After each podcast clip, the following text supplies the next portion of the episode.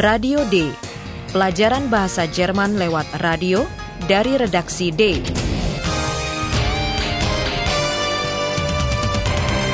Proyek bersama Goethe Institut dan Radio Deutsche Welle. Naskahnya ditulis oleh Nyonya Herat Messe.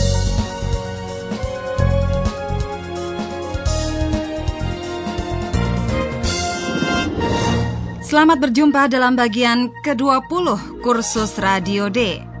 Anda masih ingatkan, di ladang-ladang gandum sebuah desa tampak lingkaran-lingkaran misterius. Asalnya bukan dari UFO, melainkan petani-petani sendiri yang membuatnya. Apakah itu kebohongan atau malah dosa? Paula dan Philip berminat mengetahui pendapat sidang pendengar Radio D maka para pendengar diajak untuk menelepon ke redaksi atau mengirimkan email. Mereka diharapkan mengutarakan pendapat masing-masing mengenai tema Mungkinkah kebohongan merupakan dosa? Hallo, liebe Hörerinnen und Hörer. Willkommen bei Radio D. Radio D. Das Hörertelefon. Willkommen zu unserem Hörertelefon. Wir fragen Sie heute, kann denn Lüge Sünde sein? Rufen Sie uns an. Radio D.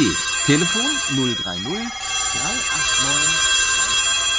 Oder ganz einfach, mailen Sie uns. Radio D.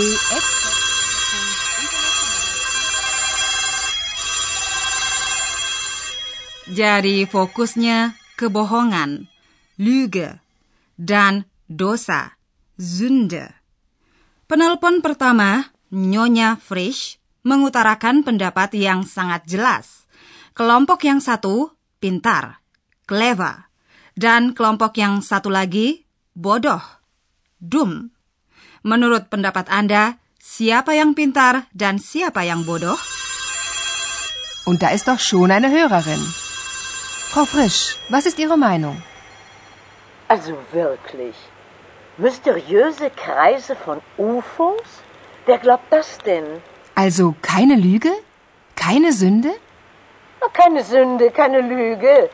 Die Bauern waren clever und die Touristen waren dumm.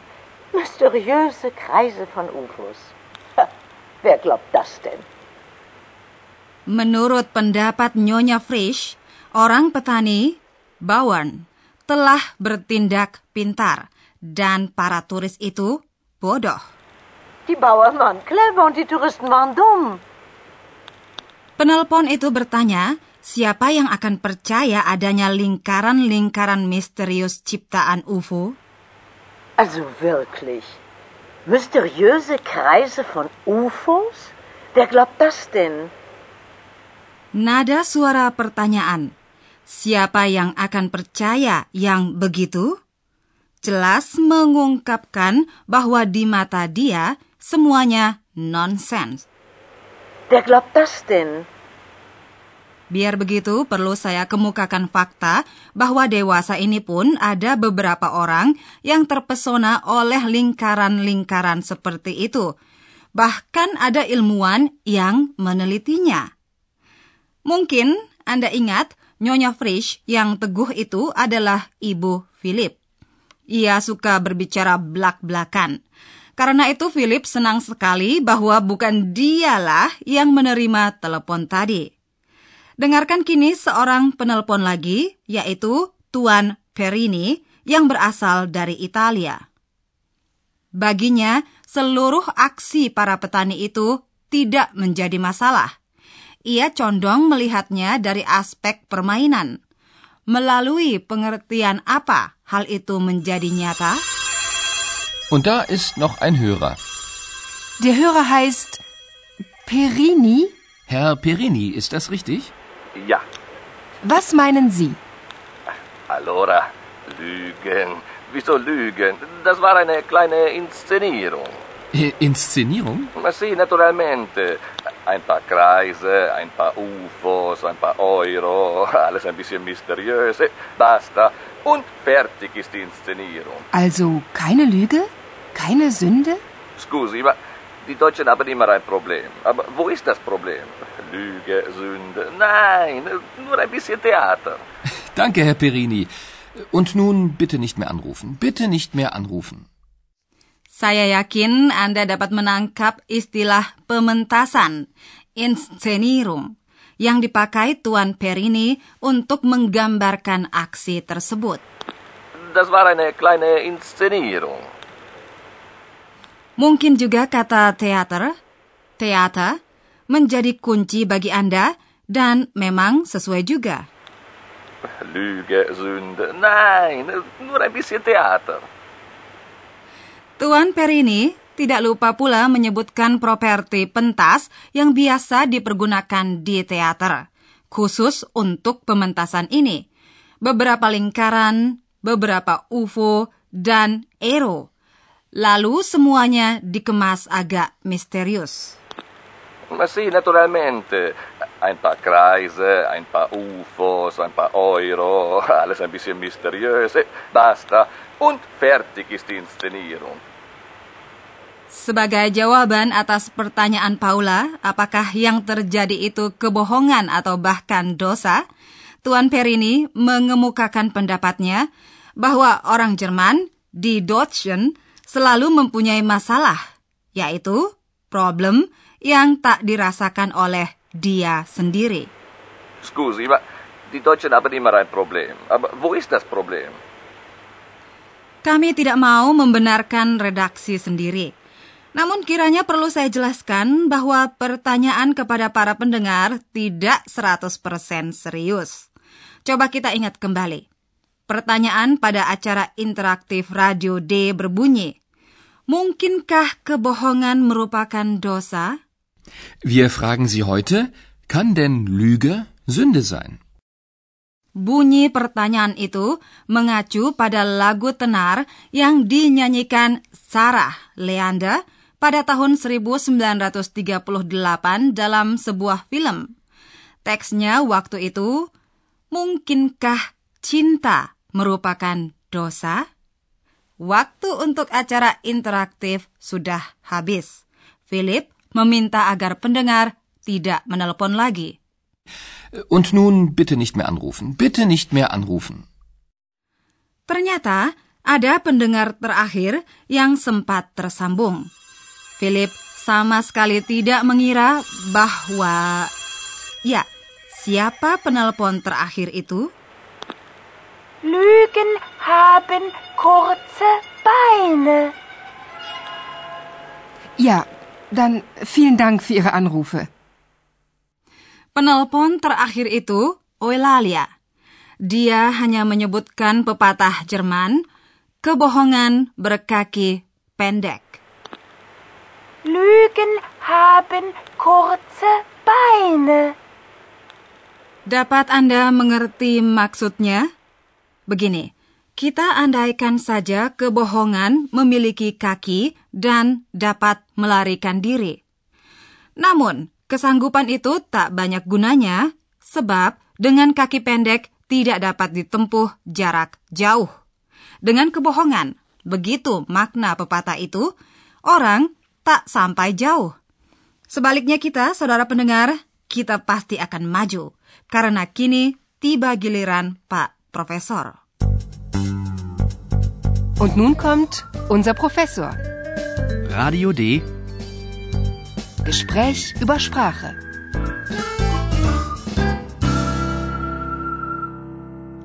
Ya, hari ini akan kita bahas suatu ciri khas bahasa Jerman lagi, yaitu kata sandang atau artikel.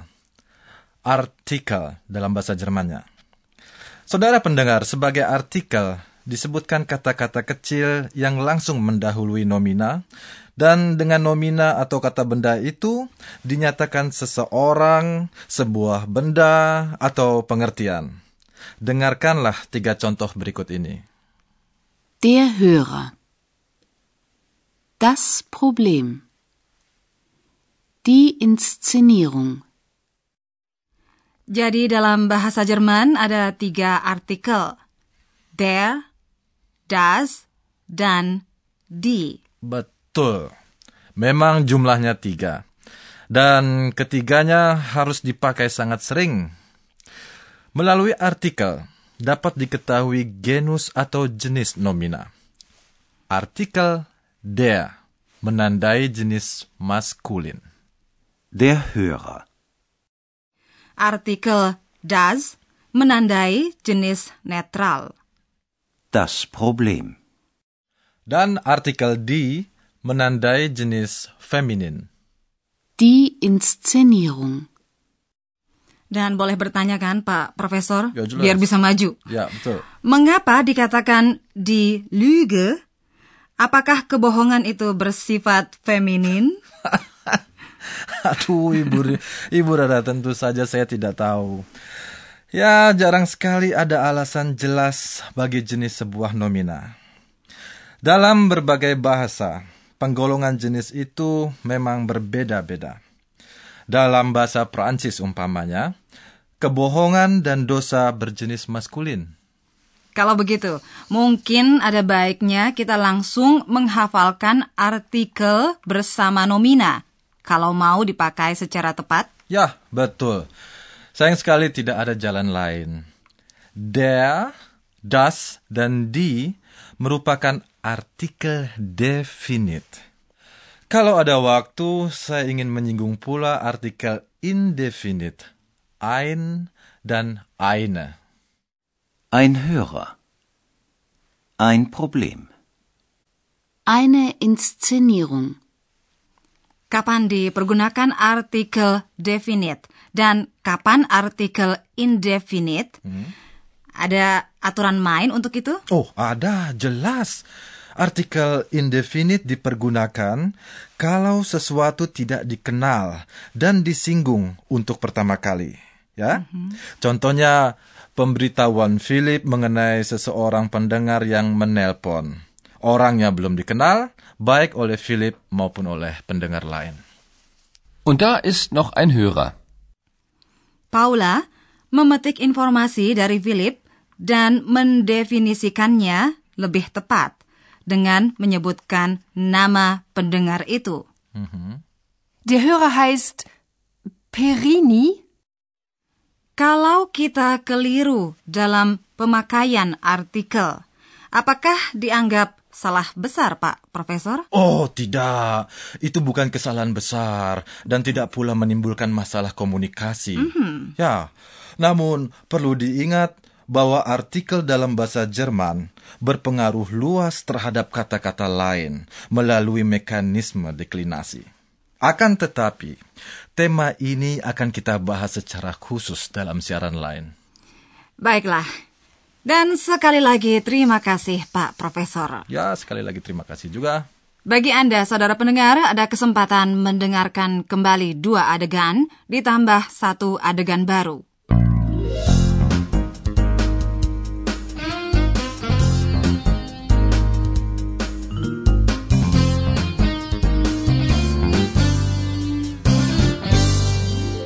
Dengarkan pertama pembicaraan telepon dengan seorang pendengar berjenis feminin. Und da ist doch schon eine Hörerin. Frau Frisch, was ist Ihre Meinung? Also wirklich. Mysteriöse Kreise von UFOs? Wer glaubt das denn? Also keine Lüge? Keine Sünde? Keine Sünde, keine Lüge. Die Bauern waren clever und die Touristen waren dumm. Mysteriöse Kreise von UFOs. Ha, Wer glaubt das denn? Inilah penelpon maskulin yang menghubungi studio. Und da ist noch ein Hörer. Der Hörer heißt Perini. Herr Perini, ist das richtig? Ja, Was meinen Sie? allora, Lügen. Wieso Lügen? Das war eine kleine Inszenierung. Äh, Inszenierung? Sì, naturalmente. Ein paar Kreise, ein paar UFOs, ein paar Euro, alles ein bisschen mysteriös. Eh, Basta. Und fertig ist die Inszenierung. Also keine Lüge? Keine Sünde? Scusi, ma die Deutschen haben immer ein Problem. Aber wo ist das Problem? Lüge, Sünde? Nein, nur ein bisschen Theater. Danke, Herr Perini. Und nun bitte nicht mehr anrufen. Bitte nicht mehr anrufen. Sebagai penutup akan dibacakan surat elektronis seorang pendengar. Was ist das denn? Gesundheit, Josephine. Danke. Hallo Kompu. Was machst du denn da? Ach, ich lese ein bisschen Mails, Hörer-Mails.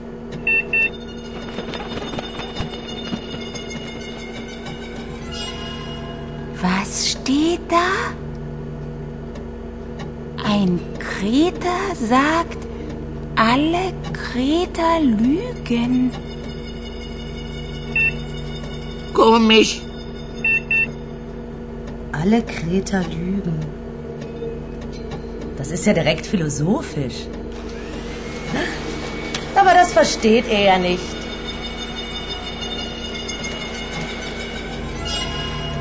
Ich schon. Ich nicht.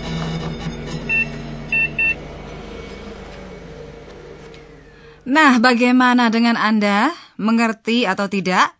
Barangkali lebih mudah dipahami kalau Anda mengetahui bahwa dengan istilah orang Kreta, Kreter, dimaksudkan penduduk pulau Kreta di Yunani.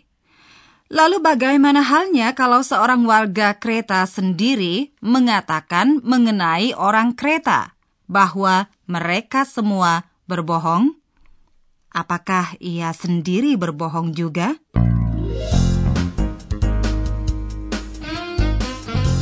Bis zum nächsten Mal, liebe Hörerinnen und Hörer.